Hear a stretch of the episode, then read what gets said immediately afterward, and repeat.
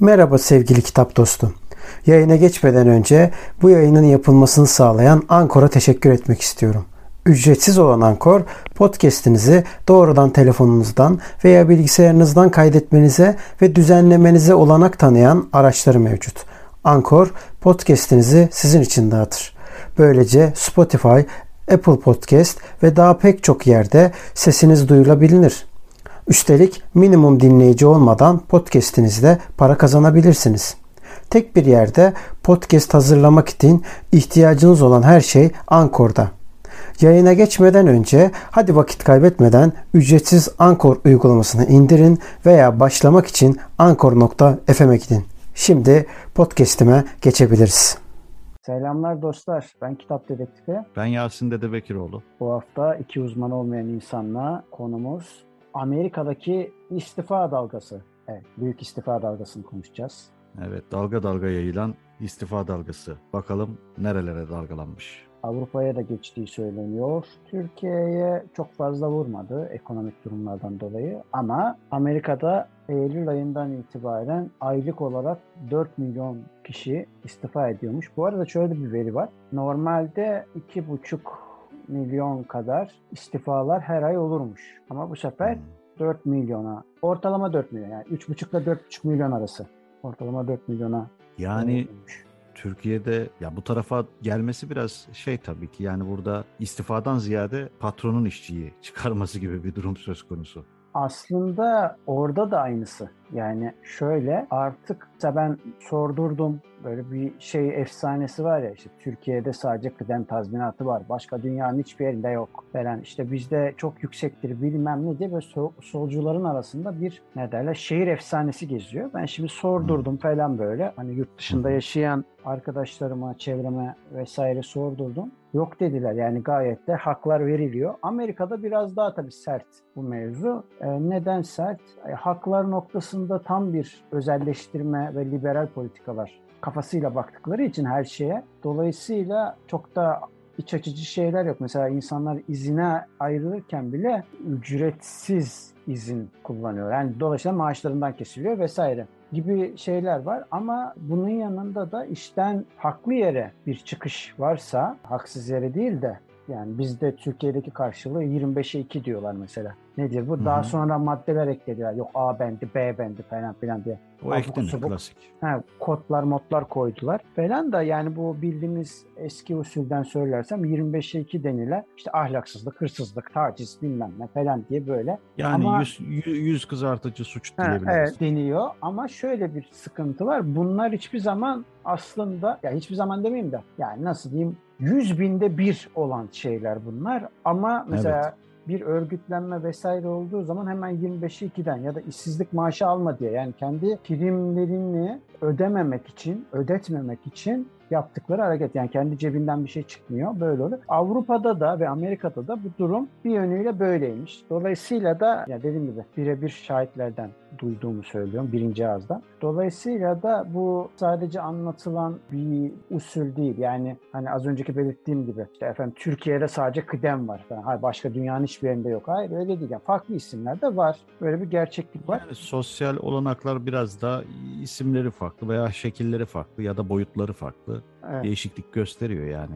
Ama kapitalizm gittikçe daha da şey olduğu için vahşileştiği için bunun sonucu aslında bu nedir? Çok fazla baskı yapıp işçi ya yıldırma yani bir üç kişinin ya da dört kişinin yapacağı işi bir kişiye yükleyip çalıştırma yahut da o kişinin aldığı maaşı öyle bir baskıyla şey yaptırma ki o kişi istifa etsin ve bunun sonucunda da yerine iki kişi alsın ama o kişinin bile yarı fiyatına çalışsınlar. Ya yani toplamda Tabii, daha da ucuz Yani olsun. ben bu mevzuyu yakinen yaşayan birisi olarak yani söylüyorum. Pandemi süreci zaten iyice farklı bir boyuta taşıdı. Zaten işin başında tabii ki insanlar endişeden e, birazcık şey yaptılar. İşte nedir virüs yayılır, hastalanacağız, öleceğiz, şu olacak, bu olacak bir sürü tedirginlikler falan filan. E, çoğu şirket evden çalışma moduna yani uzaktan çalışma formülünü kullandı. Evet. İlk zaman bu sıkıcı gelse de sonradan tatlı gelmeye başladı insanlara. Hı hı. Yani insanlar evlerinde daha rahat çalıştıklarını düşünmeye başladılar. İşveren tarafında şöyle bir şey oldu. Ya biz rahatlıkla personeli dediğimiz saat taciz edebiliyoruz bu şekilde. Yani Evet, iş evet. mi var? İş mi var? Saat 8 akşam dostum bizim şu işi girsene. Dostum şunu yapsana. Böyle tabii ki amiyane tabirle birazcık daha böyle lakayt tavırlar sergileyen yöneticiler de oldu. Yani şirketlerin işine geldi biraz aslında bu. Beyaz yakalılarda zaten şöyle bir şey var ya özellikle ana kentlerde yaşayanlarda e, mesela İstanbul, İzmir, Ankara gibi ana kentlerde yaşayanlar da trafikte vakit kaybedeceğine hazır evdesin kardeşim e daha ne istiyorsun falana girip bu dediğini yapmaya başladılar yani. Evet yani koltuğuna zamkla yapıştıralım. Evet. E, evet. 7-24 e, Evet. affedersiniz sağmal ineği gibi faydalanalım. Şey diyorlardı aslında bu 2015'te asıl başladı bu mevzu. Amerika'da Motorola ekibi diyorlar buna. Bu mevzuya Motorola diyorlar. Neden? Motorola'da ilk böyle mailleri açma diye birçok bankada muhtemelen o firmanın yani firmadan bağımsız olarak o firmanın anlaşma yaptığı bazı finans kuruluşları oldu. Ve bu kuruluş Türkiye'nin en büyüklerinden bahsediyorum. Amerika'da da aynı şekilde. Dünyanın en büyük finansal kuruluşlarında, bankacılık sektöründeki firmalarla anlaşma yaptılar. Binlerce hatta bırakın bine on binlerce Motorola dağıttı. Ve bunun sonunda da maillere her an bakabileceğin anlaşmalar yapmaya çalıştılar falan. Ve bunun neticesinde tabii ki e, her dakika bize geri dönüş sağlaman lazım. Her dakika bizimle olman lazım. E kardeşim elinin altında zaten ve bu arada hafta sonunda dahil gecenin bir vakti vesaire. Geçen gün işte bu Okan Bayülgen'in programını izliyorum bu konuyla hakkında. Mesela insan kaynakları alanında uzman birisi döndü şey dedi. Bir dedi patron sahurda işçileriyle toplantı yaptığı için kendiyle gurur duyuyormuş. Bunu diyor bize Evet. söyledi diyor yani. Hani anlatabiliyor muyum? Ya sahur diyoruz ya. Yani dolayısıyla Şey durumuna itiyor yani sosyal bir alan kalmıyor. evet. Aslında bir kaos yaratır bu. Aynen öyle. Ama bir işte örgütsüzlüğün getirdiği bir kaosu besliyor. Çünkü mesela sendikalı bölgelerde falan ya da bir dernek, bir STK'da örgütlü işçiler de bu tarz şeyler yapamıyorlar. Yani isteseler de yapamıyorlar. Bu artık öyle bir noktaya geldi ki işte işçiler istifa etmeye başladılar. Beyaz yakalılar diye tabir edilen plaza olarak şey yapılan. Peki bu kol emekçilerinde nasıl oldu? Kol emekçilerinde de aslında ben burada da mesela gözlemliyorum. Trakya bölgesinde özellikle geçmişte işte Kocaeli, Gebze, Tuzla bölgesinde de bunu gözlemliyordum. Hatta iki telli tarafı mesela İstanbul'un sanayi bölgeleri buralar. Yoğun bölgeler. Evet, Dudullu'da da mesela böyle şeyler var falan. Ki Dudullu biraz daha küçüktür ama yine de öyledir. Şimdi bu bölgelere mesela baktığın zaman işçiler yani kol emekçileri daha doğrusu daha kötü ya şimdi sonuç itibariyle sosyal haklar anlamında ortalama olarak standart veriliyor. Sendikalı da olsa standart veriliyor. Dolayısıyla da burada işçi şey yapıyordu. Bana öbür fabrikadan ya da öbür çalışacağı yerden daha yüksek bir fiyatta verdiği zaman hemen o tarafa koyuyor. Zaten Amerika'da da bunun bir yansımasını görülüyormuş. Ve bu meselede de yine aynı şekilde çok fazla yani milyonlarca işçi arayan oluşum var ve bir onun en az yarısı kadar da iş arayan var ve iş değiştirenler var. Türkiye'de de bu oran %88'miş ya inanılmaz bir rakam yani. Yani dijitalleşmenin getirdiği şey de var. Yani insanlar artık bir iş ilanına bakarken bunu yakinen şahit biri olarak söylüyorum. Bu çalışma modeli var mı diye bakıyor zaten. Yani Evet. dijital olarak uzaktan çalışabilir miyim? Evet. Yani bana özel bir alan. Çünkü insanlar ofis ortamlarında ne kadar baskıya maruz kaldıklarını gördüler. Tamam uzaktan çalışma formülünde de yine aynı şekilde baskı var fakat zorunlu olarak insanlarla görüşmüyorsun. Yani iş ortamında kurduğun zorunlu ilişkilerden uzak duruyorsun aslında. Evet aynen öyle. Aynen öyle. Ya mesela askerlik arkadaşı gibi şey yapıyorlardı ya. Bu bu arada programı da önerelim. Özgür Mumcu ve Eray Özel'le bir podcast yayını var. Bunlar güzel yayınlar yapıyorlar. Ben yeni tanıştım. Yani o iki kişiyle değil. Yani şeyle yani kendisi. Onların podcastiyle yeni Evet tanıştım. programla. Evet. Mesela orada da anlatıyor. Ya askerlik arkadaşı gibi sanki böyle efendim ille de orada birlikte durmak zorundaymışız gibi bir algı yaratmaya çalışıyor. Halbuki Sürü böyle psikoloji. bir şey yok yani. Tabii tabii.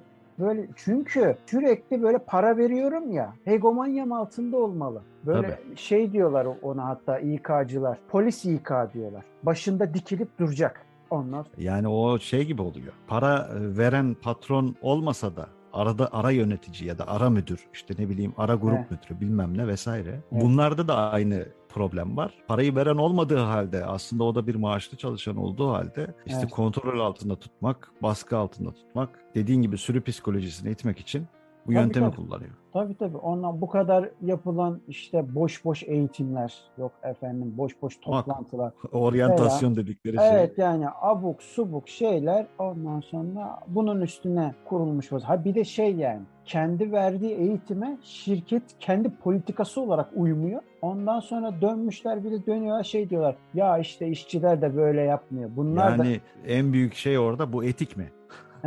Yasin'cim yani şey e, bakıyoruz mesela franchising işlere bakıyorum falan arada. E, tabii. Hı Az önce mesela baktım hani bu konuyla bağlantılı diye baktım. Fransızca bilen bir birisi arıyorlar. Yani Türkiye'deki ilanlardan bahsediyorum. Fransızca bilen bir şey yapıyorlar. Ve adam makale başına 70 lira teklif ediyor. 70 lira ya. Fransızca bileceksin sana 70 lira teklif ediyor. Ya şaka mı bu ya? Yani şu an e, aldığım eğitimle ilgili söylüyorum. Yani bir dil öğrenmek. Ya bu kadar 70 lira mı bunun nedeni kardeşim ya? Bu adam yıllarını Abi vermiş. ben bu işe. sana bir şey söyleyeyim mi? Yiyorsa eğer gitsin tercüman bürosuna bin liradan aşağı yaparlarsa gel, gelin beni bulun yani. Ben Tabii sana ki öyle mütercim tercümanlık yani ve o işin şeyini matematiğini bilen insanlara git bakalım Ya biz nasıl para teklif edecek. Türkiye'de bu konu her açıdan suistimal ediliyor. Hep böyle. Bak Tabii, mesela tabii. geçen gün bu, bu gezmelerle alakalı hani vlog da çekelim vesaire ama ücretsiz nasıl yapabiliriz, nasıl daha uyguna getirebiliriz vesaire bunları arayışına geçmiştik. Bir, bazı siteler var. Ve bu sitelerden bir tanesinin işte üyelik parası veriyorsun. Sonra işte sana bir ortak platform, uluslararası bir platform bu arada. Bayağı da kullanılıyor falan. İsme gerek yok. Birçok var bu arada. E, bloggerların çoğu da bunu kullanıyor. Bu sayfaları kullanıyor falan. Neyse baktım abi. Bak Antalya'da bir tane otel. Ekoloji otel falan diye böyle bir pazarlamışlar. Ve diyor ki kalacağın yer belli değil. İşte özelliklere bak. Kalacağın yer belli değil. Belki çadırda kalırsın. Belki de bütün işçilerle birlikte sen de ortak 8-9 kişilik diyor odada kalırsın. Yemeği diyor mutfakta yapıyoruz ama diyor saati belli olmaz. Çalışma koşulları diyor 6 saat çalışacaksın diyor. E abi sonra da diyor geri kalan zamanda diyor tatil yaparsın. Ama diyor bu arada esnek diyor çalışma saat. Hani 6 saat normalde ama diyor esnek diyor. La baba Tabii. sen köle arıyorsun. Yani buna basitçe bir başka konu üzerinden istifalardan tabii ki biz burada iki uzman olmayan insan olarak Ya bu da istifalarla alakalı. Onu demek istiyorum. Tabii tabii. Yani istifalarla alakalı. Ama ben özellikle şunu zaten sen beni yakından yani yaşadıklarımı gördüğün için biliyorsun da zaten. Ya son 5 ayda iş arayışındayım. Hani belli bir şeyde iş arıyorum yani. Evet, evet. İlanlara bakıyorum. %90'ı istisnasız çok iyi derecede İngilizce bilen diye bir şey var, kriter var. Şimdi düşünüyorum, işe bakıyorum. İşin İngilizce ile bir alakası yok. Sırf Yasin yani ben orada sana dipnot dipnot geçeyim sözünü balla keseyim. Ben bir şeyde bir otelde bulaşıkçı ilanını gördüm. Ben birebir gördüm ya. İleri derecede İngilizce bilen yazıyor. Ya babacığım bulaşıklarla ben İngilizce mi konuşacağım? Ne diyeceğim? Ya bu Allah ya bu artık var ya. washing, washing. Sonra sonra da dönecekler şey diyecekler. Yani efendim biz vasıflı nitelikli eleman bulamıyoruz. O niye Tamam. biliyor musun?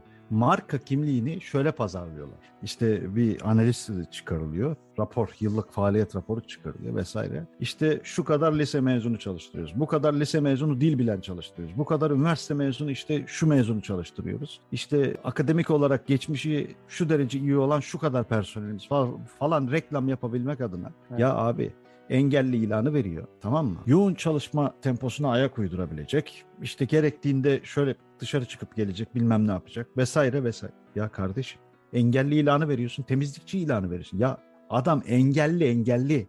Yani bir şey var. Engelli arayışımız mevcut. Ya arkadaş yani bu nasıl bir şey ya? Ya bu ama neden kaynaklanıyor? Bu ülkelerdeki yurt dışında böyle midir bilmiyorum. İşin uzmanı arkadaşlar lütfen dönüş yapsınlar bize. Evet, o. Yani işverenlerden kaynaklı tamam. İşverenden de sonra yönetimlerden kaynaklı. Ve bence temel sebep örgütsüzlük, sendikalaşmanın az olması, hak aramanın az olması. Yani Ya isteyen mesela- yok ki. Mesela bizde hak, mesela hak arama ile ilgili dipnot geçeyim.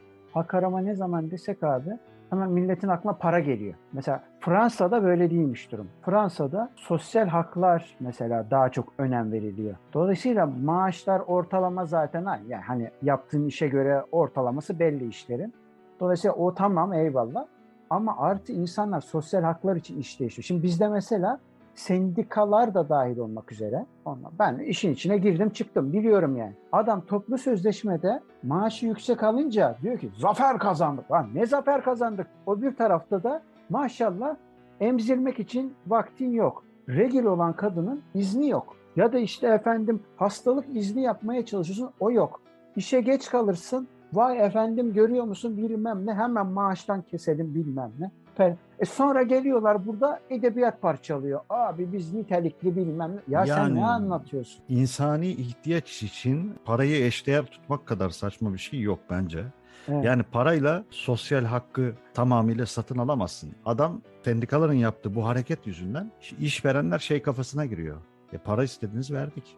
Parasını veriyoruz. Sömürebiliriz senin yani evet, kafasına geliyor. Yani insani ihtiyaçlardan yani regal iznini geçtim. Tuvaletin süresi bile şeyden düşülüyor yani. Adamın mesaisinden düşülüyor. Diyor ki 20 dakika kaldım tuvalet. Ya o adam belki Tabii canım, rahatsız. tabii canım. tabii. Yani ya Evet. bu şeyde insanları hem ayrıştırıyor hem hak aramanın boyutunu değiştiriyor. Dolayısıyla bunlar çok ciddi istifalara sebebiyet veriyor. Bu sorunlar aynı. Aslında dünyanın her yerinde aynı. Ama işte bizim daha önceden konuştuğumuz konuya evrilmeye başlıyor. İnsanlar sektör değiştirmeye başlıyor. Hatırlıyor musun? Daha önceden konuşmuştuk bu konuyu. Hı hı. Diyorduk hani traktör, bakkal örneği falan üstünden yapmıştık. Tabii tabii tabii tabii. Onun gibi sektör değiştirmeye başlıyor. Örnek veriyorum insanlar yazılımcı olmaya başlıyor.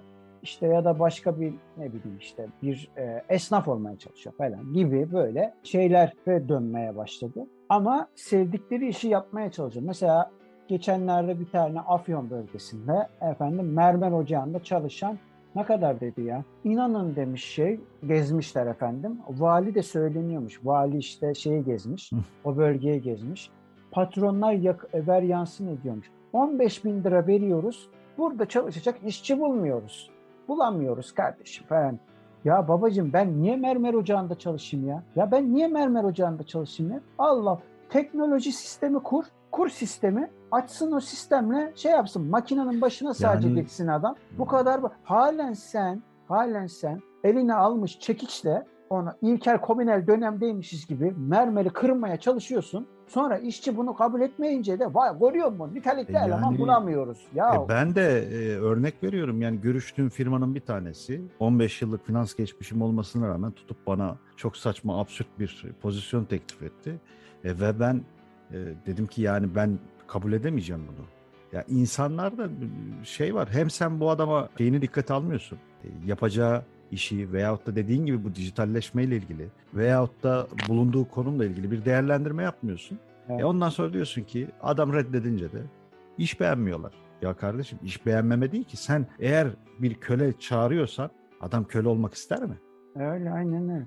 Zaten bu mevzu da işte Amerika'da dahil olmak üzere, Avrupa'da dahil olmak üzere ciddi bir şekilde patlamaya başladı. Zaten ekonomik krizler, şunlar bunlar vesaireler bunun da bir sonucu var. Ve en nihayetinde toplu olarak insanlar istifa edip sektör değiştirmeye ve koşullarını daha iyi yerlere taşımaya başladılar. Yani aslında pandemide bir belirsizlik varmış ve bu belirsizlikte çok azalmış istifalar. Ancak iki senenin üstüne bu olunca böyle çok yüksek gibi geldi diyor mevzu. Çünkü pandemi döneminde evden çalışmanın getirdiği az önceki söylediğimiz baskı zıvanadan çıkmış vaziyette oldu. Bir de bunun üstüne devletten de ekstradan para alınca, destek, yardım alınca insanlar biraz da tırnak içerisinde özgür kendini hissedip istifaların çoğaltmaya başlamışlar. Ya dediğim gibi sınıf atlayanların sayısı çok az olmakla birlikte ya sınıf atlamak demeyeyim mi sınıf değiştirenlerin sayısı çok Hı. örnek veriyorum işte küçük burjuvalara doğru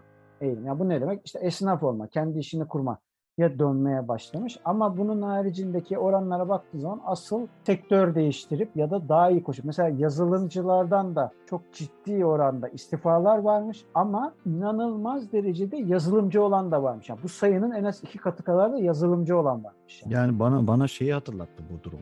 sanki sanayi devriminde olan şey gibi yani insanların bir anda böyle şey değiştirmesi işte.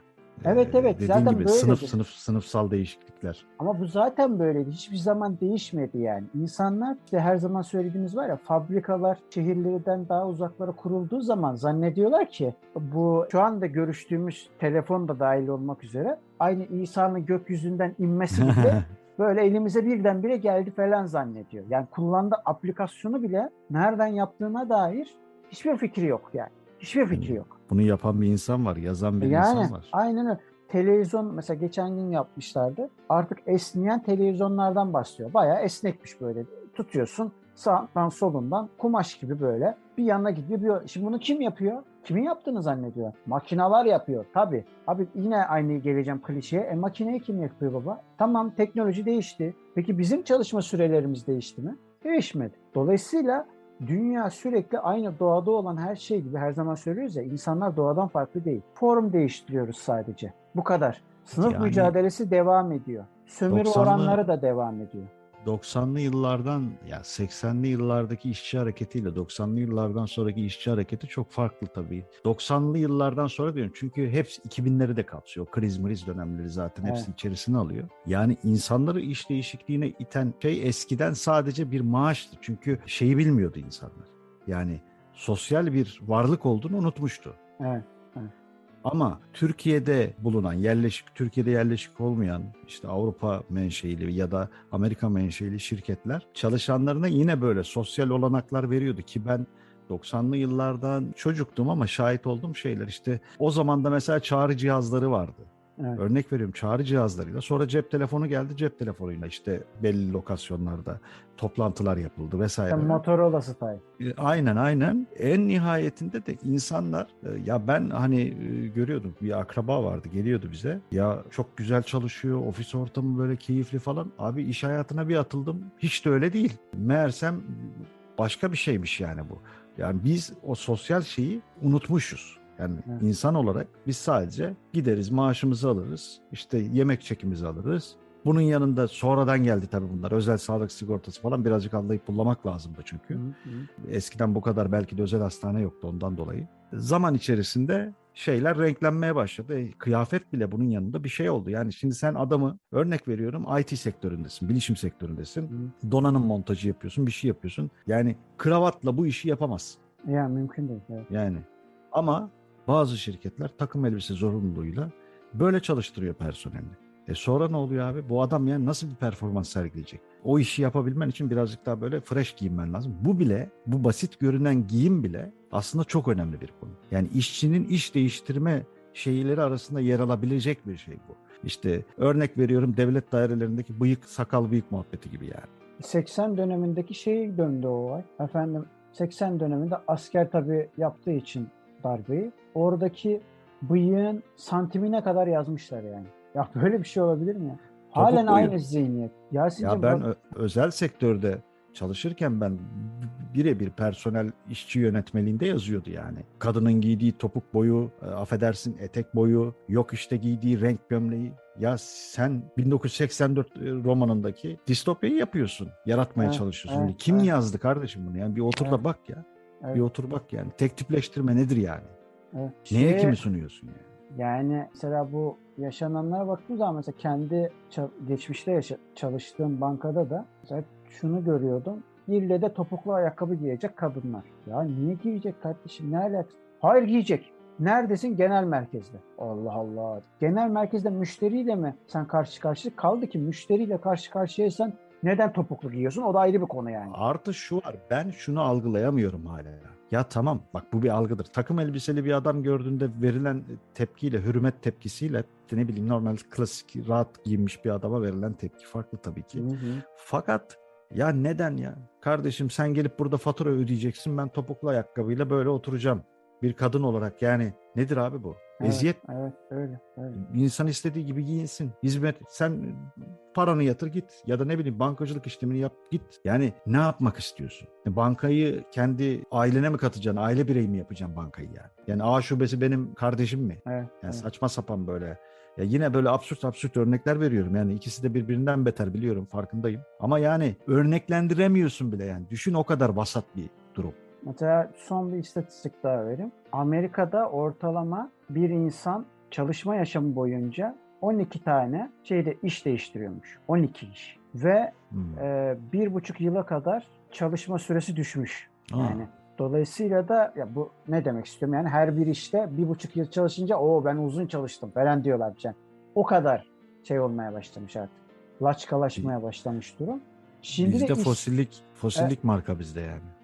Yok ama o işte şey kuşağı. Ne diyorlardı ona? Kuşaklar arasında 1960'larla 70 arasındaki kuşak. O ona bir isim veriyorlardı. Baby bilmem ne. Şimdi o kuşak için söylediğin o doğru. Ama özellikle bizim yaşlardaki yani kaç yaş oluyor bu? Otu yani 27-28 ile 40 arasındaki yaş ortalaması. Özellikle aslında 30'da. Vallahi Ee, ben 35 yaşındayım. Tamam işte onu diyorum zaten. Yani o- 30 ile 40 arasındaki yaş ortalaması çok ciddi iş değişikliği yapıyormuş. Tabii tabii. Ama- Yani o zaten şeye geldiği için birazcık da e, yaşın tam yani yaşamsal şeyin tam ortası ya. Evet, evet, evet. Dolayısıyla da buna peki çıkanlar yerine sermaye kimleri alıyor? Hep aradıkları şöyleymiş. İstatistik ki ben gözlemlerimle de bunu görüyorum yani. Çok tecrübeli de olmasın, az tecrübeli de olmasın ama az parayla orta tecrübede birisi olsun. Yani bunun peşindelermiş yani. Ve bu işte Tabii. çok baskı, baskı, baskı, baskı en sonunda patlıyor ve istifalara sebebiyet veriyor. Ve Yani en nihayetinde de işte sosyal haklar şunlar bunlar hep kenara bırakıp o zamana kadar çalıştığı maaşını alıp çıkıyor gidiyor adam. Diyor ki ben daha iyi koşullarda daha iyi yerde bir çalışırım diyor yani. Niye çalışmayayım ki diyor. İş var çünkü diyor. Türkiye'de Yani- ama böyle değil. Türkiye'de ama böyle değil yani. Türkiye'de biraz daha ya, spesifik şeyler var ama Türkiye'de şey mevzu ne kadar az maaşa sinekten yağına kadar çıkarabilirim muhabbeti var yani. Evet, evet. Tam bir şark kurnazlığı meselesi. İşte az önceki söylediğimiz Yani- Fra- Fransızca örneği gibi yani. Ve şu var, sen servetine servet katarken ve bu işi bir uzun süreli, uzun vadede düşünüyorsun. Yani bir şirket 10 yılına kurulduğunu düşünmüyor kimse tabii. Bunun için ya bunun yeterli olmadığını insanoğlu ne zaman anlayacak? Yani balkon demirinin kemirilmediğini ne zaman anlayacak? ya? Ama bu insanlıkla alakası yok işte. Sınıfsal bir şey bu. Yani yapmazsa bunu diğer sermaye onu yer. Peki sınıfı nasıl hayata döndüreceğiz? Sınıfın kendi kendine dönmesi lazım. Bizim bir şey yapmamıza gerek yokken. Ekonomik durumlar her ya biz aslında şimdi tabirimi mazur gör deney faresi gibiyiz. Değil mi? Aslında öyleyiz. Yani doğadaki her şey öyle bu arada. Her şey. Ağaç bile öyle. Her zaman söylüyorum doğadan farkımız yok. Biraz da şey böyle mistik bir şeyler bakıyormuş gibi gözüküyorum ama yok bir materyalist bir şey bu aslında. Dolayısıyla da maalesef ki karnımız doymayınca ya da herhangi bir ihtiyacımız giderilmeyince bu sefer fıttırıyoruz. Ha, ve o zaman isyan çıkıyor. Ve o zaman isyan çıkınca da karşı taraf doğruluyor. Bak Yani işte bu Özgür Mumcu'nun yaptığı sözünü balla kesin yayında bunu söylüyor aslında. 50 yılda bir kapitalizm mi daha doğrusu bir sallıyorlar böyle ulan kendine gel diye iyice suyunu çıkarttın diye. Sonra Aa, tamam ben de sapıttım farkındayım diyor. O öyle geçiyor. Hani şey birkaç gibi ya, iyileştirme vesaire. yaban hayatındaki şey gibi yani aslan e, bazen küçük yiyeceklere tenezzül etmez ya da e, yırtıcılar diyelim. Evet. küçük şeylere hayvanlara pek fazla böyle yanaşmaz çünkü dişini kovuğunu doldurmaz yani ama açlık Ha. öyle bir noktaya geldiği zaman küçüğü geçtim artık yani sağa sola artık ne bulursa saldırmaya başlar yani. Öyle aynen öyle. Şu anda işte olan bu. Ama niye diyeceksin o zaman bir şey olmuyor? Şu anda örgütsüzlükle işte bu mevzu biraz daha uzuyor. Hani artı eksi 5 yıl. Peki bu şeyle de alakalıdır yani muhtemelen yani Amerika'daki tabii ki Türkiye'den bahsetmiyorum. Amerika'daki ülke yönetimiyle de alakalıdır. Toplumsal bir şeyle alakalı. Yukarıdan gelen bir şey de var. Bakış açısı da var yani. Yani işte şöyle şey değil bunlar- yani hakkını ararsan seni içeri atarım tehdidi yok yani. şöyle bir şey. Ya bu bu arada bu bir algı. Senin bu söylediğin bir algı. İşte onu diyorum, Yani, onu diyorum işte. Ee, ya ortada bir şey olmasa bile böyle düşünmek hani o her zamanki sözü iğrenç espri var ya Silivri Sıvak da ha diye böyle abuk subuk saçma sapan bir yerinden birisi uydurmuş milleti yemiş soğuk olur. bunu hani tembelliğine bahane bulmak için Tabii uydurduğu canım, bir tabii. şey yani. Kesinlikle Ondan katılıyorum sonra yani. Hani sanki Ses- bu mevzu olmadan önce yani 80 sonrasından bahsediyorum. Sanki bu mevzu olmadan önce abi işçi grevleri, şeyler, E böyle biz, e, işgaller yani vardı da Dostum bu mevzu olduktan sonra abi herkes sustu ben. Ya yok öyle bir şey yani. Ya tabii biz seninle yaşadığımız yani şu 7 yıllık geçmişimizde şey olarak Evet. iş yaşamıyla ilgili Evet. e, daha eskiyiz de iş yaşamında yani ben 7 yıl içerisinde yaşadıklarımızı kastederek söylüyorum. Evet. Ya ikimiz de böyle bir sebeple işlerimizden çıkarıldık. Evet. Ama dışarıdaki toplumun şeyi hep şuydu. Ya işte sesini çıkaranı böyle. E sen Yani- çıkartmadın, seni de çıkarttılar. Ne alakası He- var? he- peki değil mi? Yani işte ona geleceğim yani. Hak arama karşılığında işte kendi tembelliklerine bir bahane E, işte tabii sesini canım, çıkaranı sesini çıkaranı ellerler böyle. Evet, Yani dolayısıyla da şey değil. Ama işte bu ne derler ona? Mesela Amerika'da emperyal bir ülke sonuç itibariyle. Ve bu Hı hı. ülkenin emperyal ülkeler kendi işçisini aristokrat yaparlar. Hani hatırlıyorsan Evet. İngiltere üzerinden bir örnek vermiştik çok önceki Tabii tabii tabii. Konuşmuştuk burada onun da, üzerine. ha, burada da aynı muhabbetler. Dolayısıyla da çok fazla böyle bir şey yapmasını bekliyorum. Orada ekonomik durumlar ve sosyal haklar üstünden dönüyor. Mesela Fransa'da da mesela o. Ha, tarihsel gelen, kültürel anlamda da gelen bir mücadele gelenekleri olabilir. Ama Amerika'da bu gelenek yok. Bunu aksine daha yeni yeni oluşmaya başlıyor. Halen abi şeyi konuşuyoruz ya. Obama geldiği zaman çok yakın dönemden bahsedelim. Obama geldiği zaman vay görüyor musun siyahi başkan geldi falan diye şey yapılan böyle şaşırılan bir ortam. Yani bu ortamda neyin sosyal hakkından bahsediyoruz Allah aşkına. Ya hem Ama de işte- öyle bir durum var. Yani daha daha yeni ya işte ödül töreninde Will Smith'in siyahi bir insana attığı tokat yani onun da ırkçı olduğunu herkes konuşuyor yani. Irkçı Evet. bir tokattı. Siyahilerin ne zaman yanında durmuş Will Smith diyorlar yani. Ya şimdi dolayısıyla da bunun getirisi ama Fransa'da öyle de Fransa'da kültürel şeyler var vesaire kodlar diyeceğim de bir ırkçılık anlamında bir kodlaması değil. Yani kültürün getirdiği bir şey var, miras var ve burada Evet. bir mücadele var vesaire. Şimdi Osmanlı'da ama öyle değildi. E, hemen ardına tepeden inme bir devrim var. E, dolayısıyla da böyle olması beklenme yani gayet normal Türkiye'de bunların yaşanması. Gayet normal yani. Tabii Evet. o tepeden inmeden kastın Yani şey kitlesiz bir devrim Ha, gerçekleşti. evet. Mustafa Yani Kemal'in yanlış yanlış anlaşılma olmasın diye söyledim. yok yok ben tek adamcılık anlamında söylemiyorum yani. Ama Onu Tabii, tabii, açıklamasını önceki yayınlarda söylemiştim zaten. Söyledik ama olsun biz her yayında bir hatırlatma gereği duyuyoruz. Evet, evet. Ondan sonra dolayısıyla da bunun işte getirdiği sonuçlar var falan filan. E, sınıfa da yansıması var. Ama biz Muhakkak. bir de bu arada geç kapitalizm bizde başladı. Onun Yani sebebi oldu. Ve hızlı, Toplumsal- hızlı kapitalizm bu arada.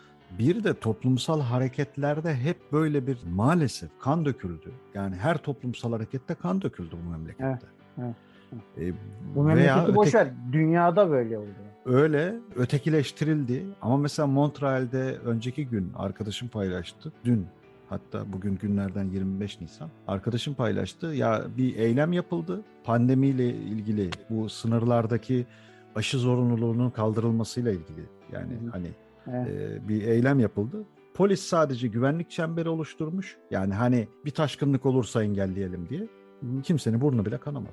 Abi Kanada'da yalnız öyle hareketler yapıyor da Kanada'da da toplu mezarlar bulunuyor. Nasıl oluyor bu iş? Ya bilmiyorum Yani şimdi abi bak haberlerde sürekli böyle yapıyorlar. Yani dolayısıyla ben onu demek istiyorum. ama ben Emperyal birebir işte için- tabii tabii Evet, birebir arkadaşımdan aldığım bilgi bu. Ya, Ya şunun için tamam, söylüyorum. Zaten kendi Böyle ülkesi- olmalı. Ben olması gerekeni söylüyorum. Yani olması gereken o da bunlar da iki yüzlü. Onu demek istiyorum. e, Yani tabii şu canım anlamda yani. şu Onu kimse anlamda inkar edemez. toplu mezarlar daha yakın ya. Bunlar iki ay falan oldu yani. Biliyorum Çıkıyor. biliyorum. Yok biliyorum. özür Yok, diliyormuş. Aman ya abi herkes geri döndü. Yani Herkes insanları geri döndü. öldürdün. Ölenlerin hepsi geri. Kaldı ki Irak'ta bugün kim var? Irak'ta kim var? Sadece Amerika'nın olduğunu zannediyor Irak'ta. Kim Hayır var? canım. Kanada hayır. askerleri yok mu? Bugün Abi acaba acaba Suriye'de ki hangi askerler Abi var? bak bu iki yüzlülüğü maalesef kendi hakkını arayan da yapıyor. Yani Öyle. Sözüm ona işte her yıl işte Müslümanlara kıyım yapılıyor diyenler de Çünkü yapıyor. Yasin'cim insan insan. insan olduğu için insan iki yüzlüdür. Herkes Yani bunun Hristiyanı ya da herhangi bir dini Hayır mensup olması canım, önemi yok yani. Hayır canım. Kesinlikle yani buradan o abi, anlaşılmasın. Bud- Budizm'den bahsediliyor Hindistan'da. Onu Müslümanlar nasıl kestiklerini biliyoruz. E şimdi e, nasıl? Yukarı çıkıyorduk, arşa değiyorduk, bilmem ne oluyordu, uçuyorduk, kaçıyorduk. İnsan insanın Doğayı kardeşiydi. seviyorduk. Evet doğayı seviyorduk, hayvanları seviyorduk. E ne oldu? Buraya kadar mı? Abi bu bu güç sevdası insanoğlunun zannediyorum çünkü yani. Yasin'cim doğadan farklı değiliz. İşte hep bunu söylüyorum yani. Ha, hep aynıyız. Doğadan farklı değiliz. Aslında dışarıdaki kargadan farkımız yok. Yok abi. Teknoloji olunca zannediyoruz ki aa dünyaya hükmettik. Görüyor musun? Allah Allah bizden daha büyük yok. Selam söyle amcana mülayim. Ha, bir şey söyleyeceğim. işte. Yani teknoloji peki arabanın içindesin. Örneğin yani tamam bunu Evet. insanoğlu yaptı. Teknolojik bir e, alet. Evet. Ayı saldırısına uğradın arabanın içine bir şey olmaz muhtemelen kaçarsın. Evet. Arabadan çık bakalım ne oluyor? Yani dediğin gibi elinin altına böyle bir metal parçasını alınca insanoğlu kendini bir şey Yani bir zannediyor. şey zannet. Evet, aynen öyle. Ya Aynen. silahlı, ateşli silahların bulunmasındaki mevzu da bu işte. Evet, aynen öyle. Daha Evet. sonra bak bu da güzel bir konu olabilir ateşli silahlar. Şimdi daha da konuları başka yerlere saptırmadan istifaları konuştuk ve yayından istifa edip gidelim. Peki. Dostlar bizde muhabbet bitmez biliyorsunuz. Ee, Her hafta sizlerle birlikteyiz. Önümüz bayram. Evet. Sevdiklerinizle güzel bir bayram geçirmenizi temenni ediyoruz. Bayramda da ama yayın yapacağız ona göre. E tabii o Bizi dinlemeye devam edin o yüzden. yani pek seyahat mümkün olmayacak gibi. Yolda dinlersiniz diyecektim ama Yo, e, dinlerler. her nerede Yine yaşıyorsanız bizi istediğiniz yerde dinleyiniz. Evet. O zaman sana son bir parçayla veda edeyim. Arife günüydü bayram öncesi parçasıyla sana veda ediyorum. Görüşmek üzere. Peki hocam görüşmek üzere.